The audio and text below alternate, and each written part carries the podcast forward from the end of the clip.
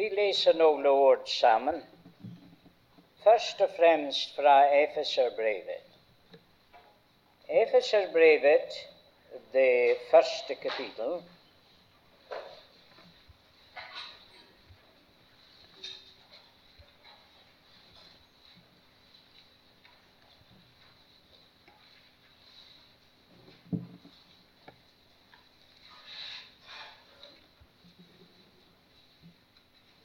Vi leser sammen fra vers 7 i det første kapittelet.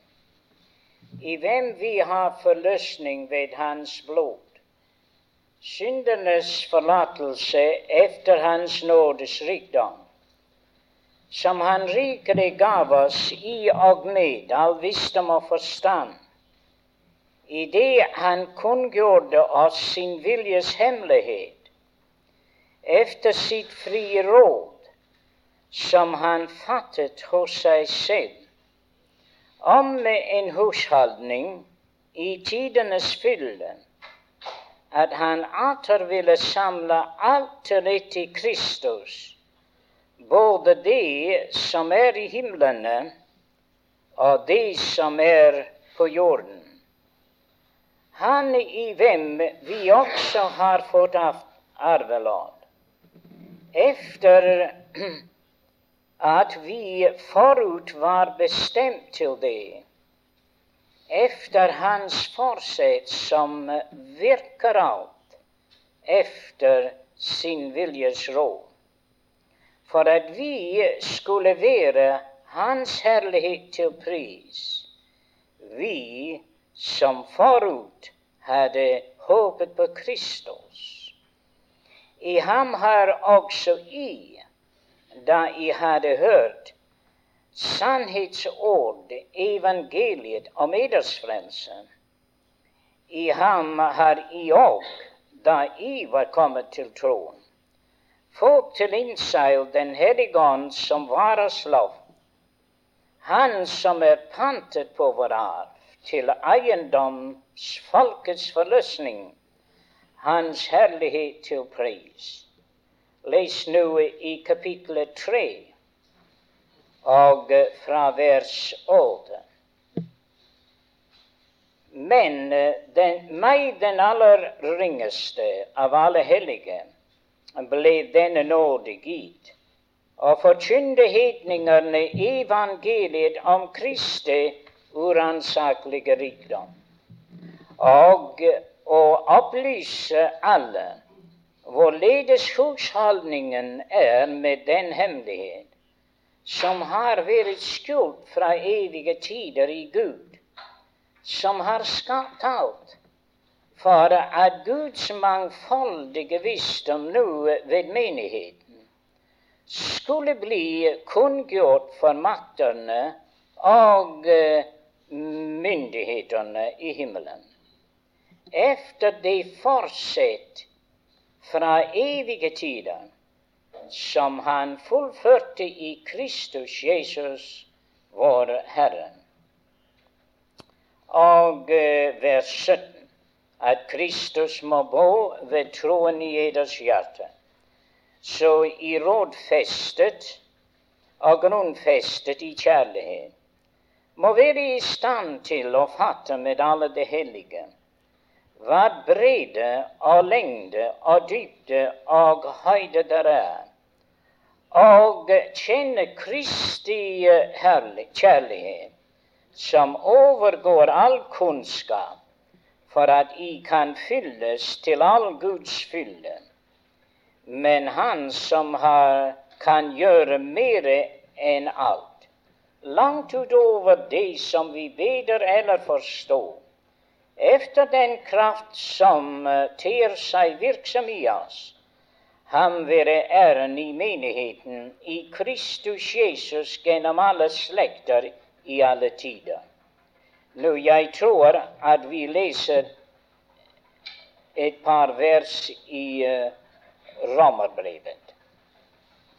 Brevet til romerne og uh, kapitlet 11 og fra vers 32. For Gud har overgitt dem alle til ulydighet, for at han kunne miskunne seg over dem alle.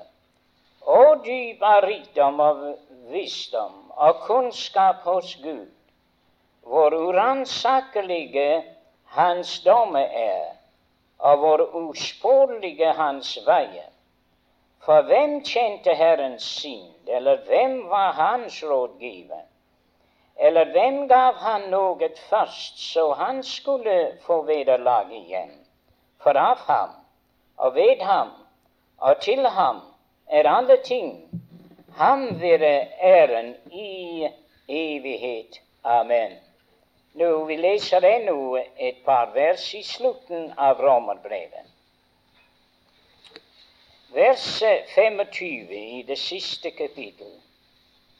Men Han som er mektig til å styrke eder, efter mitt evangelium og Jesu Kristi forkyndelse, efter åpenbaring av den hemmelighet som har vært fortiet i evige tider, men nå er kommet for lyset av et profetiske skrifter efter den evige Guds befaling, kunngjort for alle folk, for å virke troens lydighet.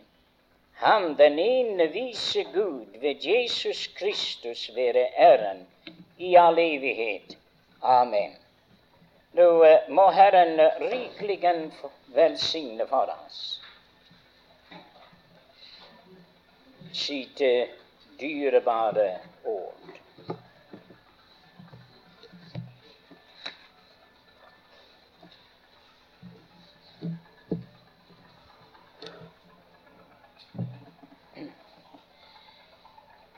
Ved en sånt møte de kaller for en bibeltime Jeg synes egentlig det burde være litt annerledes fra det andre møtet.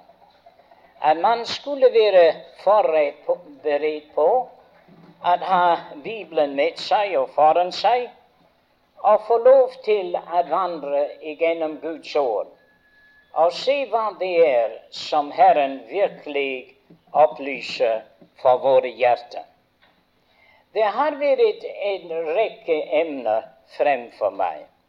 Jeg har studert på dem nå i lengre tider, men jeg har egentlig ikke riktig våget meg til å tale over dem. Og eh, det er av den grunn at jeg føler meg ikke tilstrekkelig forberedt på å tale over disse emner. Og ikke bare så. De er emner som ikke nettopp ligger på overflaten. Og derfor er det litt vanskelig for Guds barn å skjønne dem. Og kanskje de vil ikke få det oppbyggelse av dem som man kunne ønske. Men allikevel har jeg selv vært oppbygget ved disse tanker. Og det kan være dere dem som kunne ha bruk for å få disse tanker sådd i deres hjerter, så at de kunne fortsette med dem og studere på dem. Og den tanker som er fremfor meg, er i forbindelse med dette som vi har lest. Det er en tanke om noe der heter en hemmelighet. Nå, vi alle sammen tenker på hemmeligheter. Og vi har vår mening om hva ordet hemmelighet mener.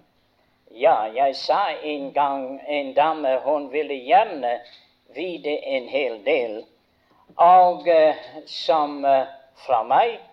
Og uh, jeg spurte henne om hun kunne beholde en hemmelighet. Ja, sa hun, det kunne hun. Ja, det kan jeg også si. Så hun fikk vel ikke vite det som hun gjerne ville. Men disse hemmeligheter som vi mennesker taler om, jeg tror ikke det er nettopp dette som ordet har. Vi bruker ordet i, på engelsk 'the mystery'. Og den inneholder en lille smule mer enn bare en hemmelighet. Den inneholder at det er, en, det er dybder i denne hemmelighet. Og dybder der kan utforskes, og dybder der kan åpenbares. Nå, Derfor er det at jeg tenker på det på denne måten at det som er omtalt her, er i virkeligheten Guds hemmeligheter. Nå, eh, Noen de gjør narr av meg fordi at jeg bruker dette bildet i Esekiel. Og der står det i forbindelse med guddommen at det var en jul innenfor en jul, og at det var et vanskelig eh, tanke for oss. Men det er noe vitenskapelig i dette. Og jeg tror at vitenskapsmenn har funnet ut av det, at alt som Gud har skapt, han har ikke skapt det firkantet. Han har skapt det som en hjul, og en hjul innenfor en hjul. Så at i hver eneste ting det er alltid noe kapslet innenfor det. De, vi har jo atomer, og vi har disse forskjellige ting men det er alltid noe innenfor atomer, og alltid noe innenfor dette igjen. Så derfor er det når vi ser på stjernene De har en sol, og så har de noen der går rundt om den sol. Men den, dette system, den går rundt om ennå i et større system, og endog dette i et større system. Det hele i Guds skapelse er virkelig en hjul innenfor en hjul, så at det virker at man forstår kanskje det ene, og da sier man det er noe større. Og at dette er innenfor noe større og noe enda større. Og således er det. Jeg har aldri hørt noen tale over dette emnet, så det er ikke at jeg kopierer noen. Men den som jeg har hørt hentyde til det, de alltid blander det hele sammen. Som om det som Paulus taler om, var bare én hemmelighet. Vel er det bare én hemmelighet. Men det er hemmeligheter innenfor en hemmelighet. Og for meg vanskeligheten lå i å finne ut av det. Hva var den store hemmeligheten? Se? Og hva var de hemmeligheter der stod innenfor den store hemmeligheten? Men jeg kom til det resultatet at alt i forbindelse med guddom er egentlig hemmelig. Det er en hemmelighet. Det er noe som skal åpenbares. Til eksempel det spørsmål om Gud selv er en hemmelighet. Hadde Gud ikke åpenbaret seg, så hadde vi aldri kunnet kjenne ham. Men Gud har behaget å åpenbare seg. Og han har åpenbart seg, ja, i skapelsen. Og der har vi en veldig åpenbarelse av Gud. Så Bibelen aldri prøver på å overbevise oss om at Gud er til. Bibelen bare sier at Gud som skapte verden, og det med punktum, at Gud er til. Og den sier bare dette at dem som sier at Gud ikke er til, de er dårer. Og mine venner, det kan ikke bortforklares. Det er så åpenbart at Gud har åpenbaret seg til en viss del i det vi ser rundt omkring oss i skapelsen. Men denne, dette åpenbarelse var slett ikke uttømmende. Det er ikke alt i guddom åpenbaret, men hans makt og herlighet er åpenbaret der.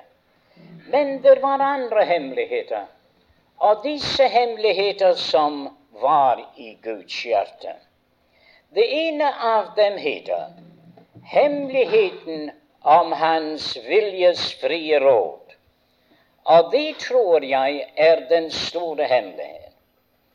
Og viljen, hemmeligheten om Hans viljes frie råd, er en veldig og innbefattende så meget mer. Jeg tror at alle de andre hemmeligheter som er omtalt i Bibelen, er innenfor denne hemmelighet. Til eksempel, vi har hemmeligheten om uh, Kristus. Og jeg tar det at hemmeligheten om Kristus er en hemmelighet for seg selv.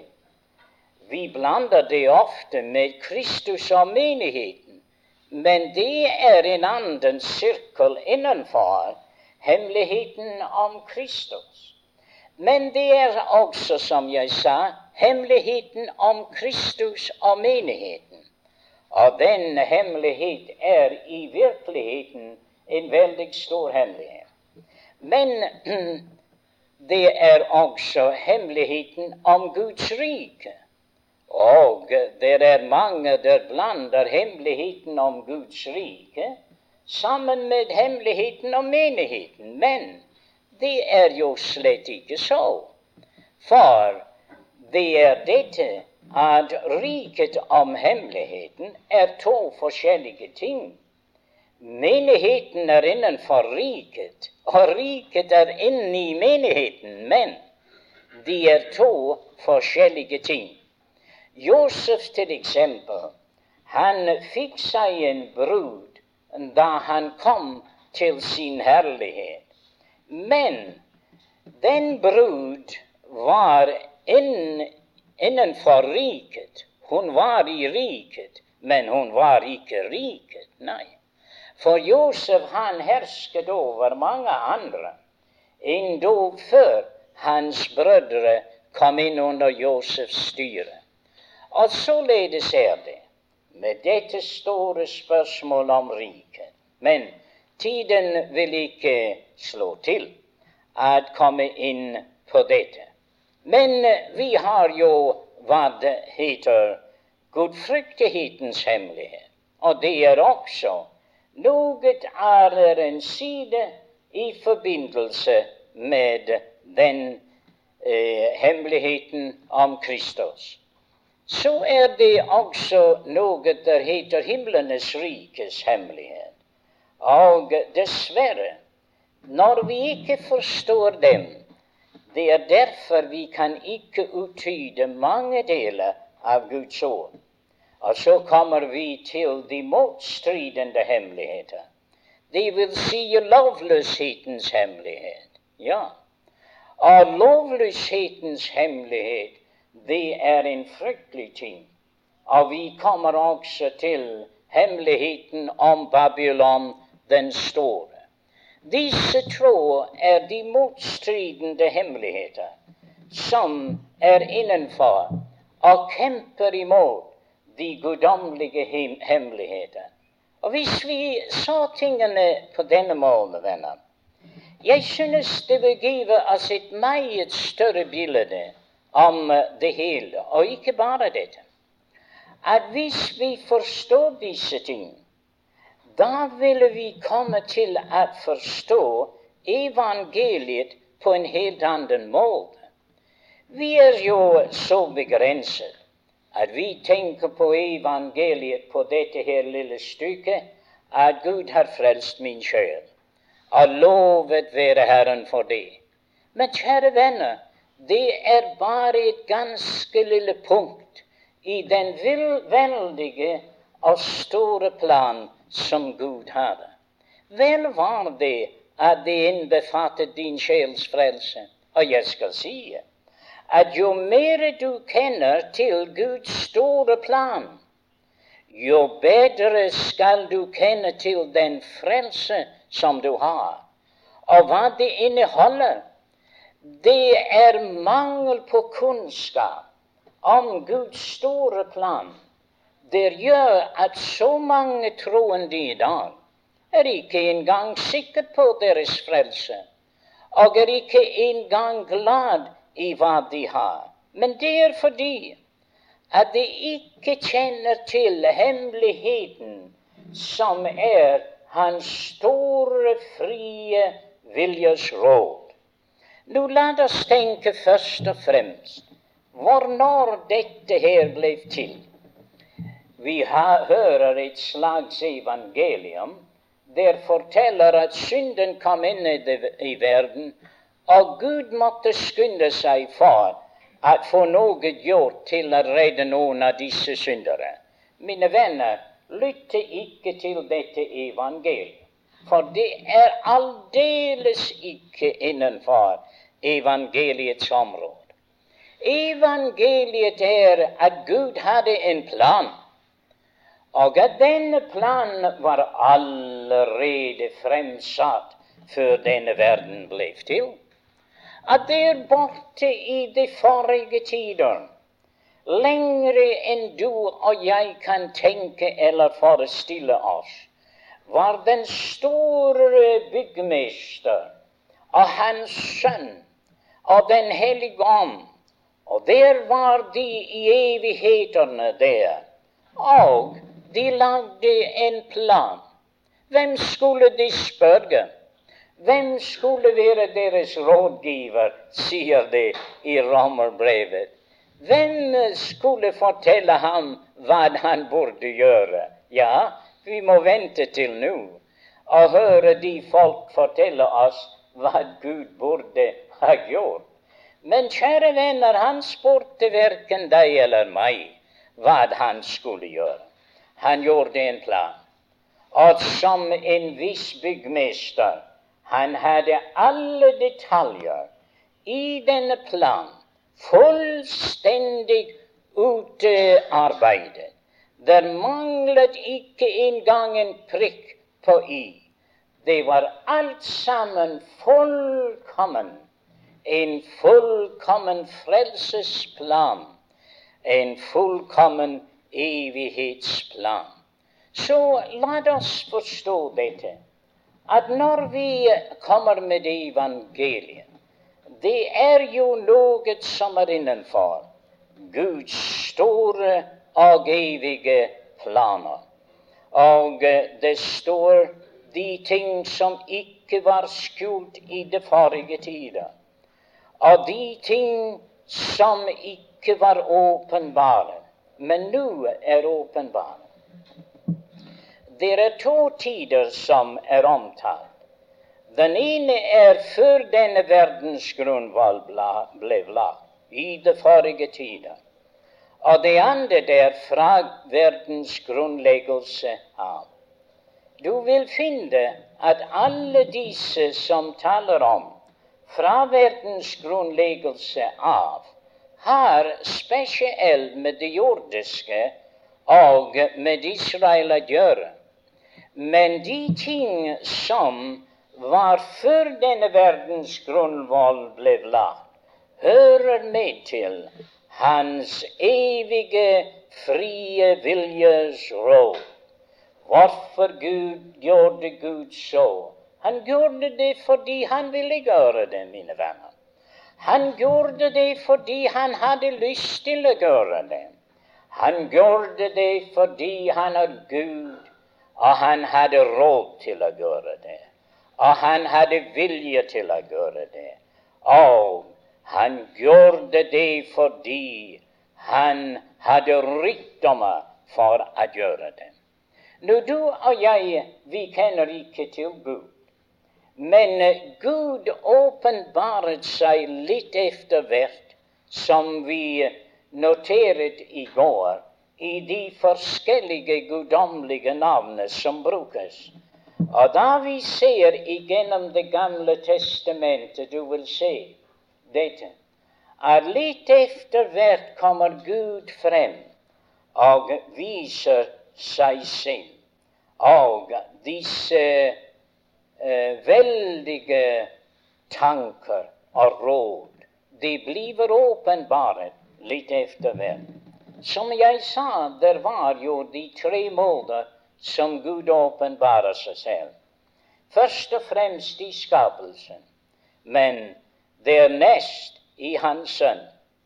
Når Jesus Kristus kom, han var en fortsettelse av en åpenbarelse av Guds frie råd. Og Kristus åpenbare guddommen på en måte som intet annet kunne gjøre. Men da var det noe annet. Han gav oss en bok. Og denne bok som vi har, kjære venner, det må leses fra første Mosebok til den siste bok i Bibelen. Fordi i denne bok åpenbares den store hemmelighet om Guds frie råd, om Hans viljes frie råd, om hva Gud ville gjøre, om hva Gud skal gjøre. Og det er intet i det som Gud skal gjøre, som skal mislykkes det er dette at hvis du forstår det, ja, så ville du ikke blive bevende om din frelse. Fordi, min venn, han har foretaget seg ting som er meget større, kan vi si, enn din frelse og min frelse. Han har meget større planer enn kun dette. Og derfor når han er i stand til å gjøre det ene og gjennomføre det, og det er han, så må han også være i stand til det andre. Så for meg den virker veldig oppmuntrende. Og for meg det virker veldig styrkende. Og det giver meg en veldig tillit og godt mål i de åndelige ting de giver meg en virkelig grunn under mine føtter, fordi jeg vet at dette her er ikke en plutselig tanke fra Guds side. Men dette her som vi er opptatt med, er i virkeligheten store guddommelige planer, oppfattet og bestemt og ordnet og lagt til rette i Guds hjerte lenge, lenge før denne lille verden som du og jeg bor på, før at den verden ble til. Men som jeg sa, det spørsmål også har med forskjellige å gjøre, og de forskjellige tider. Det står at Gud som tante før i de forskjellige tider til fedrene gjennom profetene på forskjellige måter. Du vet at Gud har jo som sagt planer. Og disse guddommelige planer, de er jo så velsignet. Men han har planer for hver tid. Det er ikke at han setter maskinen og nå kører den igjennom. Nei, han har jo eh, lagt alt til rette innenfor de forskjellige tider. Og he det hele passer så nøyaktig inn. Han hadde sin måte med folk før vannflommen. Han hadde sin måte med folk etter vannflommen. Han hadde sin måte med nasjonene. Han hadde sin måter og planer med Israel. Ja, og han har sine planer nå. For vi lever i en tid som heter nådens tid. Og da denne hemmelighet har taget en form som aldri noen kunne ha drømt om, det har tatt den form at Gud kaller ut av verden et folk til sitt navn. Ut av jødene ut av hedningene.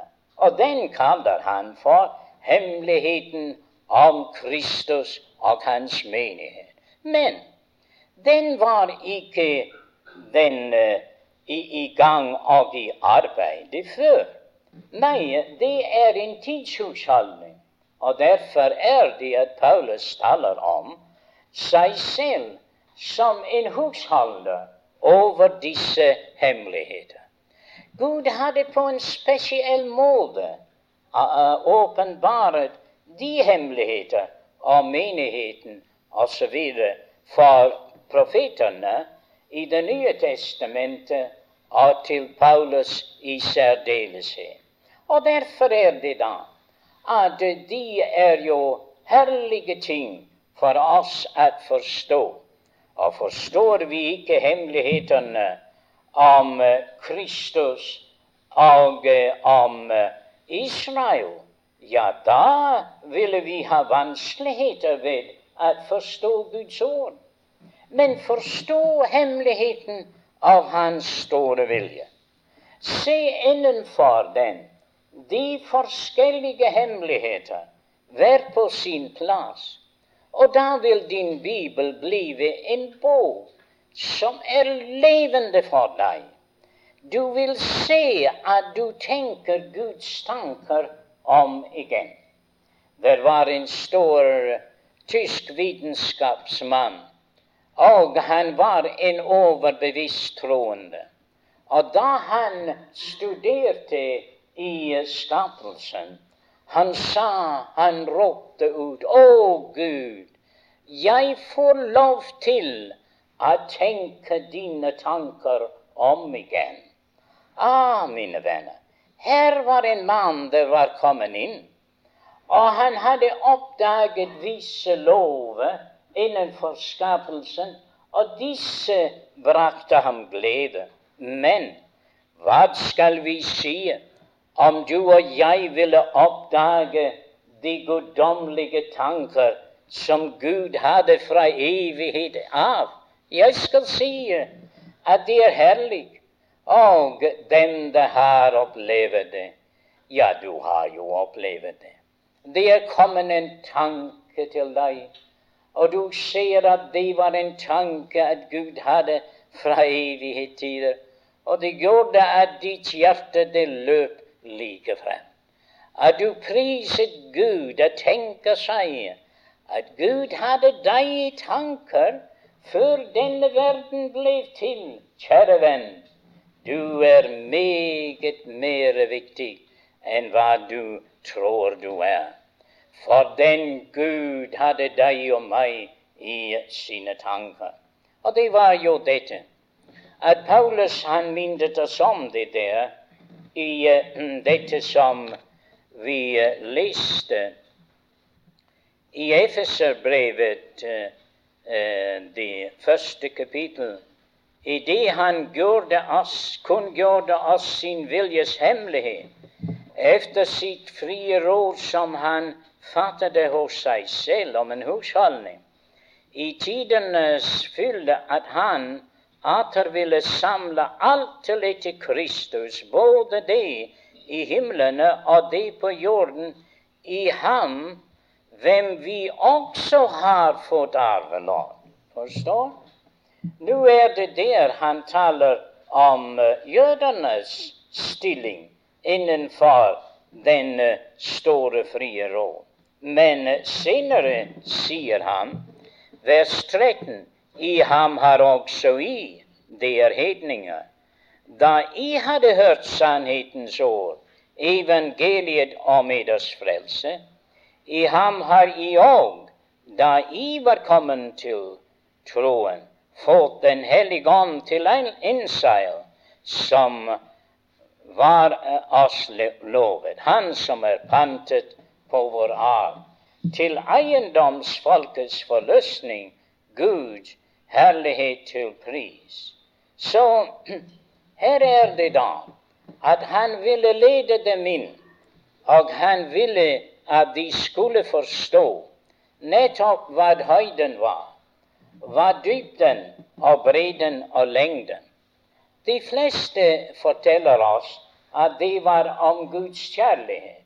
Men jeg tror ikke at skriftstedet kunne uh, oppholde den tanken. Den tanke er hemmeligheten. At kjenne høyden og bredden og dybden og lengden av den hemmelighet. Ja. Og så ville du komme til å forstå hva for en kjærlighet fant på dette. Ja, det er en helt annen ting.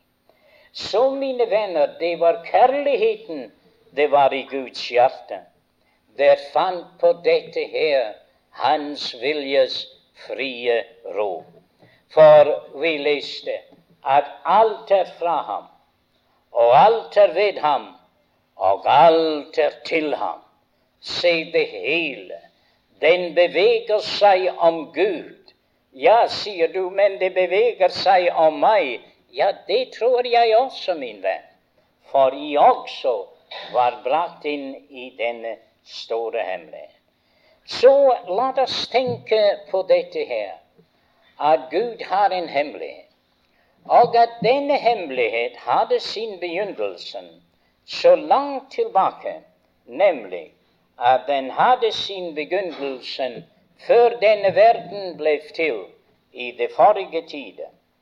Men at det er åpenbart, og at det er åpenbart i Guds ord. Derfor er det at Bibelen er så kostbar og så dyrebar. Fordi det er en åpenbarelse om Guds store hemmelighet. Ja, ja, du vil gjerne vite hemmeligheten. Jo, det ville du gjerne. Men min venn, om du ville vite Guds store hemmeligheter, da må du lese i denne bok. Og det vil virkelig fylle ditt hjerte med glede da du tenker på de ting som Gud har uttenkt, og de ting som Gud har forutbestemt for din og min velsignelse, Hans viljes frie råd. For denne bok åpenbarer denne hemmelighet. Det åpenbarer det på denne måten at noe av denne tid, denne hemmelighet, er allerede åpenbar. Nemlig det er åpenbaret i disse tre tider. Det er fortid og nutid og fremtid. Nå, jeg må ikke misforstå meg.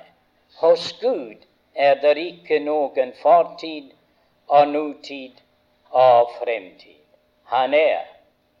Han er den han er. Han er den store jeg er. Så venner, at Gud, han tenker på det ikke som vi gjør. Men vi taler om fortid og nutid og fremtid. Men tenk at denne åpenbarelse eh, har en fortid. Det vil si at vi har sett noe av det åpenbaret i fortiden. Da profetene skrev, det var en gradvis åpenbarelse av disse ting. Tenk på dette der står, at kvinnens sæd skulle knuse slangens hoved. Du sier, hva vil dette si for noe?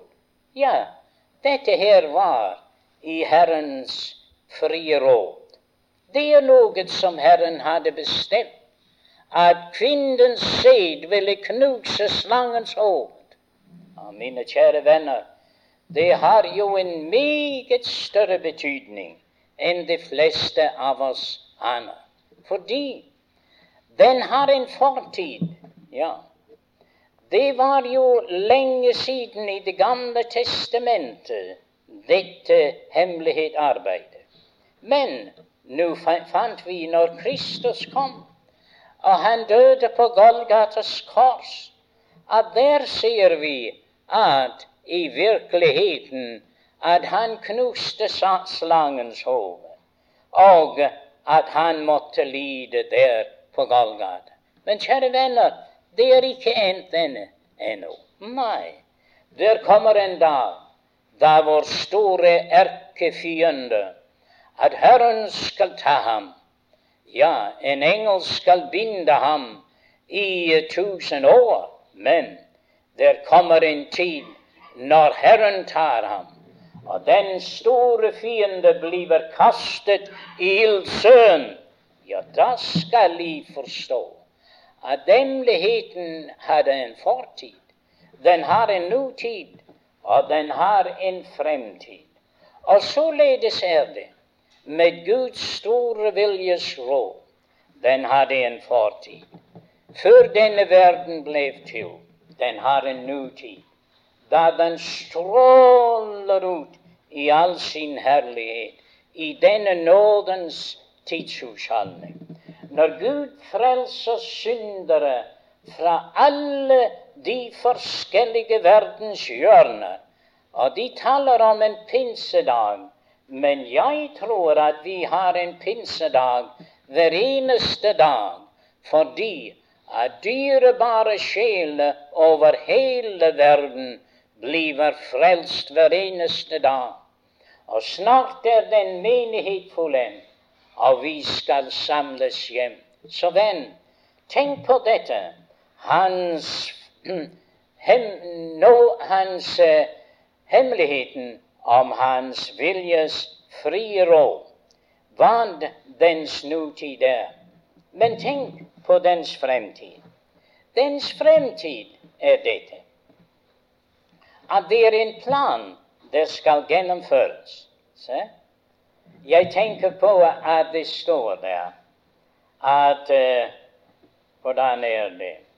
At uh, Herren ordet minner oss om det. At Han som begynte den gode gjerning i eder, han skulle fullføre det inntil Jesu Kristi dag. Vi leste her om en tidshusholdning. I tidenes fylde, når han vil samle alt til litt i Kristus. Se? Det hele av denne planen, den så frem til en dag hva vi kaller for alle tingenes opprettelse. Når alt blir nytt, han skaper en ny himmel og en ny jord. Der var en dame, hun fortalte meg hun var profetinne. Jeg sa ja, la meg høre deg profetere, da. Men det må være Fortell meg noe efter åpenbaring 21 av vers 8. Ja, hun visste ikke hva det var for noe, uten å uh, kunne profetere lenger hen. Men det var det evige tilstand, mine venner. Det var den nye himmel og den nye jord. Det var den fullendte viljesfrie råd. Se, og hvis du kan fortelle meg noe efter det, så vil jeg lytte til deg. Men kjære venn, det kan du ikke. Nei. For Gud har åpenbart oss hele Hans viljes frie råd. At det fullkomne er kommet. at det stykkevis har opphørt. Det stykkevis åpenbarelsen av denne hemmelighet er endt. Og vi har i vår bibel den fullendte åpenbarelsen av Hans viljes frie råd. Og Gud har ikke flere hemmeligheter i øyeblikket. Hva vi angår, og hva denne verden angår, det er alt sammen det er åpenbart. Og hva er det? Om en tidshusholdning i tidernes fylde da han skal samle alt til ett. Du ser hvordan vår verden den faller fra hverandre. Og således har det vært fra synden kom inn. Men den hemmelighet om Guds frie råd er at samle alt sammen igjen. Og han skal samle alt til ett i Kristus Jesus at Kristus skal være midtpunkt for det. Og kjære venner, han skal samle alt. Ikke bare hitninger og jøder. Ikke bare den verden, men alle de planeter som er kommet ut av deres bane. All den univers som er kommet i ulag, grunnet på mørkets makts inngripen, han skal bringe alt tilbake. Og han skal stille alt like frem. Alt skal samles om Kristus. Og den planen skal gå igjennom. Det skal ikke være en tittel av det som vil falle bort. Mitt ord, sier Gud, den skal gjennomføres. Nå, da kommer vi da til dette. Om uh, vi kunne tale mer om dette, om uh, fullendelsen av planen. Men tiden tillater det ikke. Men la meg kun et øyeblikk minne eder om et par ting. Viktigheten om dette, denne hemmelighet. For deg og for meg er det at det ville virke på forskjellige måter på oss. Først ville det styrke oss i vår tro og tillit til Herren om vi vet at vi har den allmektige som vår frelse, og at Han har og vil føre alle sine eh, eh, igjennom, ja, da ville de give oss ro og styrke. Nå, Det er derfor så mange troende er vaklende. Og de tar deres tilflukt til Romerbrevet 8. Og da leser de det er ingen fordømmelse for dem som er i Kristus Jesus, og de er glad. Men de glemmer å lese det andre vers, at alle ting tjener dem til gode som elsker Herren. Ja, ja, men du sier, kan du forklare det? Det behøver ingen forklaring, min venn. Du skal bare lese videre. Dem som etter Hans råd er kallet, til dem som han forut kjente, dem har Han forutbestemte at våre likedannet med Hans Sønns bilde. Og dem som han forutkjente, dem har han også kallet, og dem har han også rettferdiggjort, og dem har han også helliggjort. I stor Guds store, evige plan.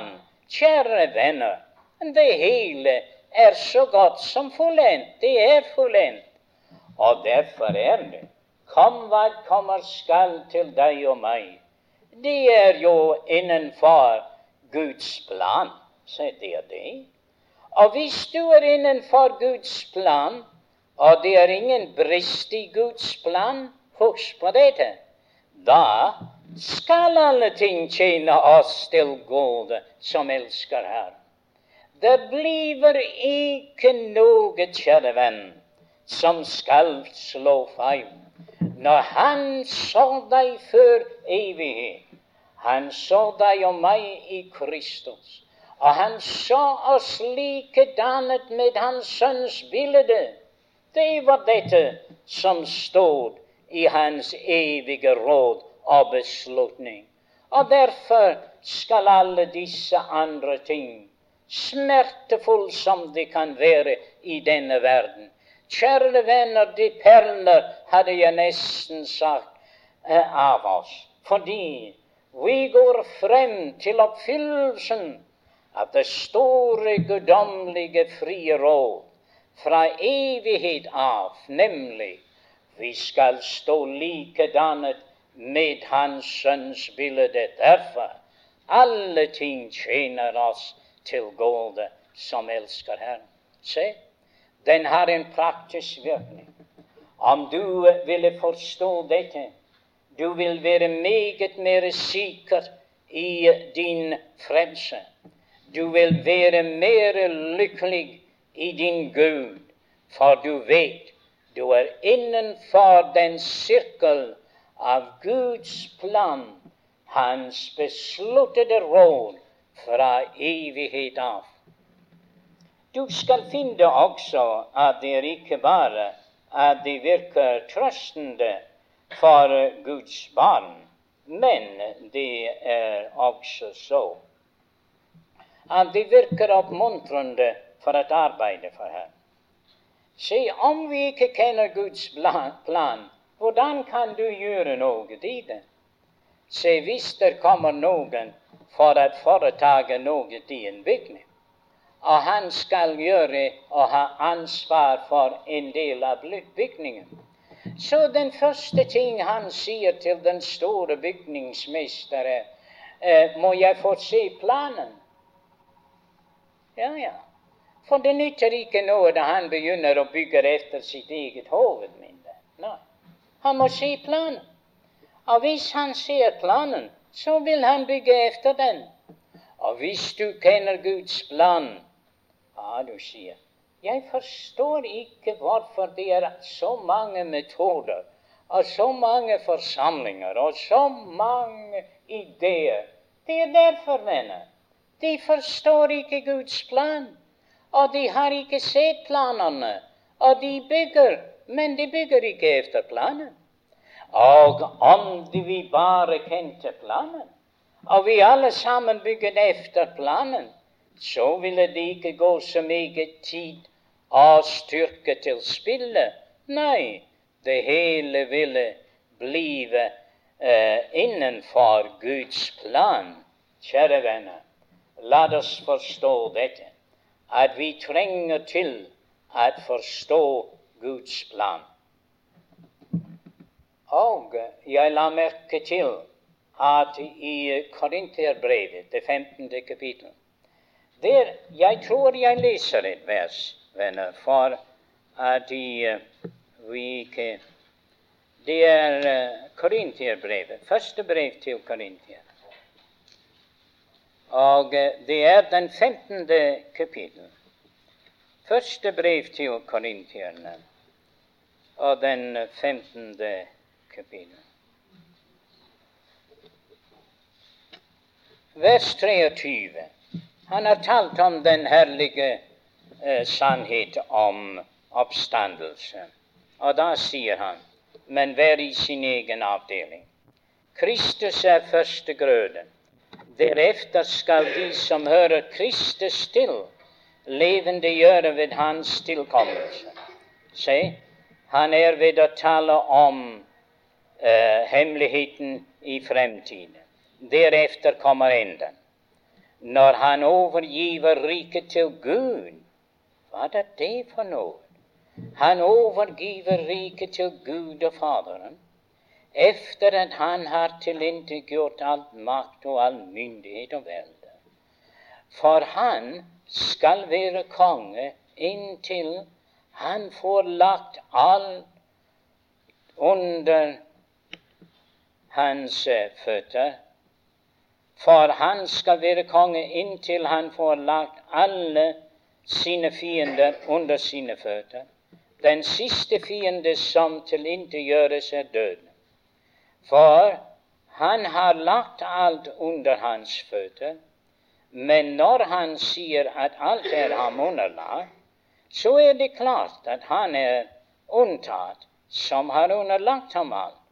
Men når alt er ham underlagt, da skal han òg Sønnen selv underlegge seg ham, som la alt under ham, for Gud skal være alt i alle. Les nå det siste vers i kapitlet.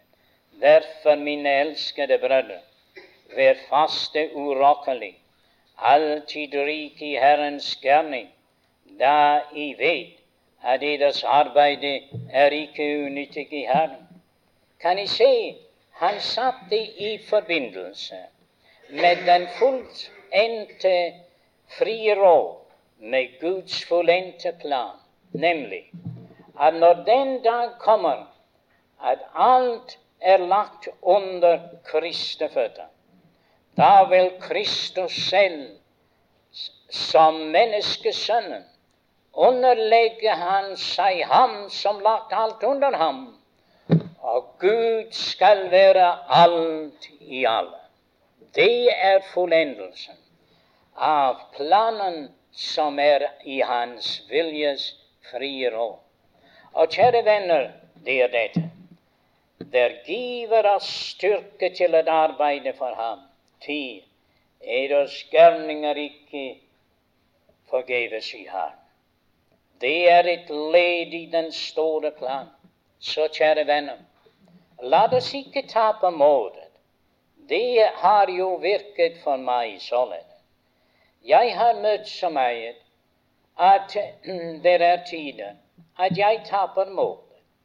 Men når jeg ser på denne planen, kjære venn, så fatter jeg nytt mot. Og så sier jeg la det gå som det vil med Adam. Dette vet jeg at Gud skal gjennomføre sin plan.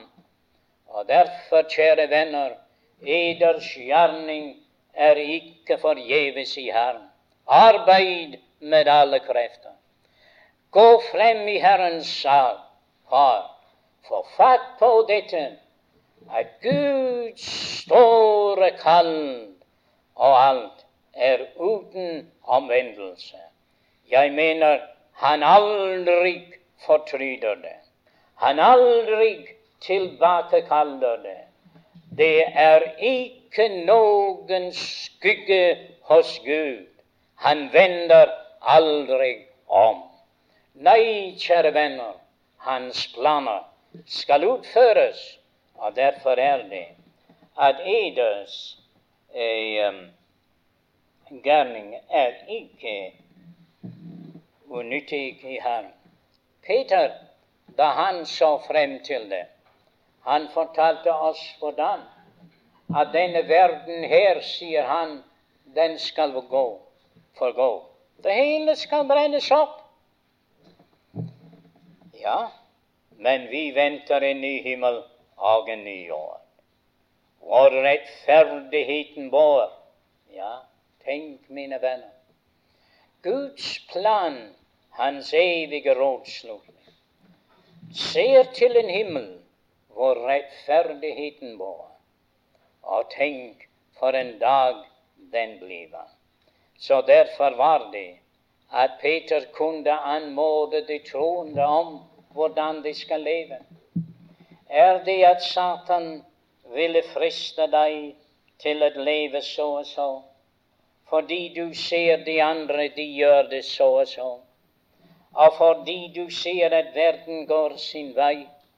Og det synes som om at Gud, han tar ikke notis av det alt sammen.